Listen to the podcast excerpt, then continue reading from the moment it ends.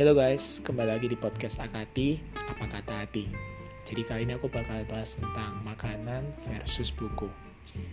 Ini bukan sebuah cerita fiksi yang aku mau ceritain ke kalian sih, tapi ini dari pengalaman pribadi aku. Dan aku harap lewat apa yang aku bisa bagikan ini, semoga bisa bikin kalian belajar sesuatu. Jadi suatu kali, aku pernah bekerja di sebuah perusahaan yang bergerak di bidang pembuatan website. Dan di sana, aku bekerja sebagai seorang sales. Tugas aku apa? Tugas aku menawarkan ke orang-orang yang punya bisnis, entah itu dari skala kecil hingga menengah, yang sekiranya membutuhkan jasa promosi. Nah, karena aku seorang sales, tentunya aku punya pimpinan. Kita bisa sebut supervisor lah. Nah, supervisor tentunya kan punya target juga dari atasannya. Karena itu supervisorku ini punya cara, punya strategi gimana caranya supaya tim sales yang dibawanya ini bisa mencapai target yang supervisorku ini punya. Singkat cerita, supervisorku ini memberikan kita itu challenge. Jadi kalau misalnya kita bisa mencapai target yang dia kasih ke kita, supervisorku bilang bahwa dia akan memberikan sesuatu bisa dibilang bonus lah buat kita. Jadi ketika supervisorku ini udah menyampaikan challenge seperti itu, akhirnya aku mulai semangat dong untuk bisa mencapai target yang dia berikan. Setelah aku berusaha, akhirnya aku bisa mencapai target yang dia berikan. Dan akhirnya dia ngajak aku makan dan dia mengizinkan aku untuk bisa pilih makanan yang aku suka tentunya sih ada budgetnya ya dan beberapa kali uh, aku bisa memenuhi target yang dia minta.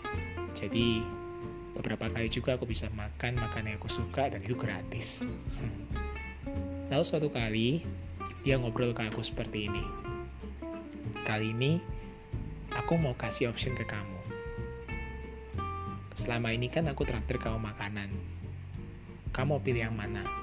Kamu tak pilih makanan atau menerima sesuatu yang aku bakal kasih ke kamu. Aku sempat tanya sih, emang apa yang bapak mau kasih ke aku gitu kan? Apakah itu lebih menarik daripada makanan? Dengan polosnya sih aku bertanya seperti itu. Tapi supervisorku cuma bilang, udah kamu pilih aja. Tanpa pikir panjang, aku langsung pilih makanan dong. Karena kan aku bisa beli makanan yang mungkin kalau misalnya aku beli sendiri aku pasti bakal mikir ya karena kan mungkin harganya mungkin sedikit mahal. Lalu aku berusaha untuk mencapai target yang supervisor aku ini berikan. Sehingga cerita aku berhasil lagi untuk mencapai target yang supervisor aku ini berikan. Uh, lalu aku langsung menghampiri supervisor aku dan aku sampaikan kalau aku mau makan di sini di tempat ini. Tapi supervisor aku langsung bilang seperti ini, sorry, kali ini aku nggak ngajak kamu makan. Aku sempat sedikit kecewa. Lalu nggak berapa lama, dia buka tasnya dan dia memberikan aku sebuah buku. Ya, karena nggak ada opsi lain, akhirnya aku terima buku itu daripada nggak dapat apa-apa kan. Lalu aku hanya taruh buku itu di kamar dan untuk sementara waktu aku nggak nggak pernah membacanya sih tapi karena buku ini terus aku lihat akhirnya aku tertarik untuk buka sampul dari buku itu. Lalu aku mulai baca halaman demi halaman. Dan tanpa aku sadari aku sudah menghabiskan buku itu. Menghabiskan untuk dibaca. Hmm.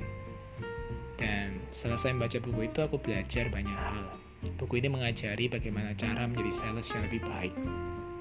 Uh, ngajari skill-skillnya sih. Akhirnya ketika ada challenge lagi aku memilih untuk bukan lagi makanan tapi aku milih buku karena buku yang diberikan oleh supervisor aku ke aku ini bukan buku yang biasa menurut aku tapi buku yang bisa membuat aku menjadi lebih baik menjadi sales yang lebih baik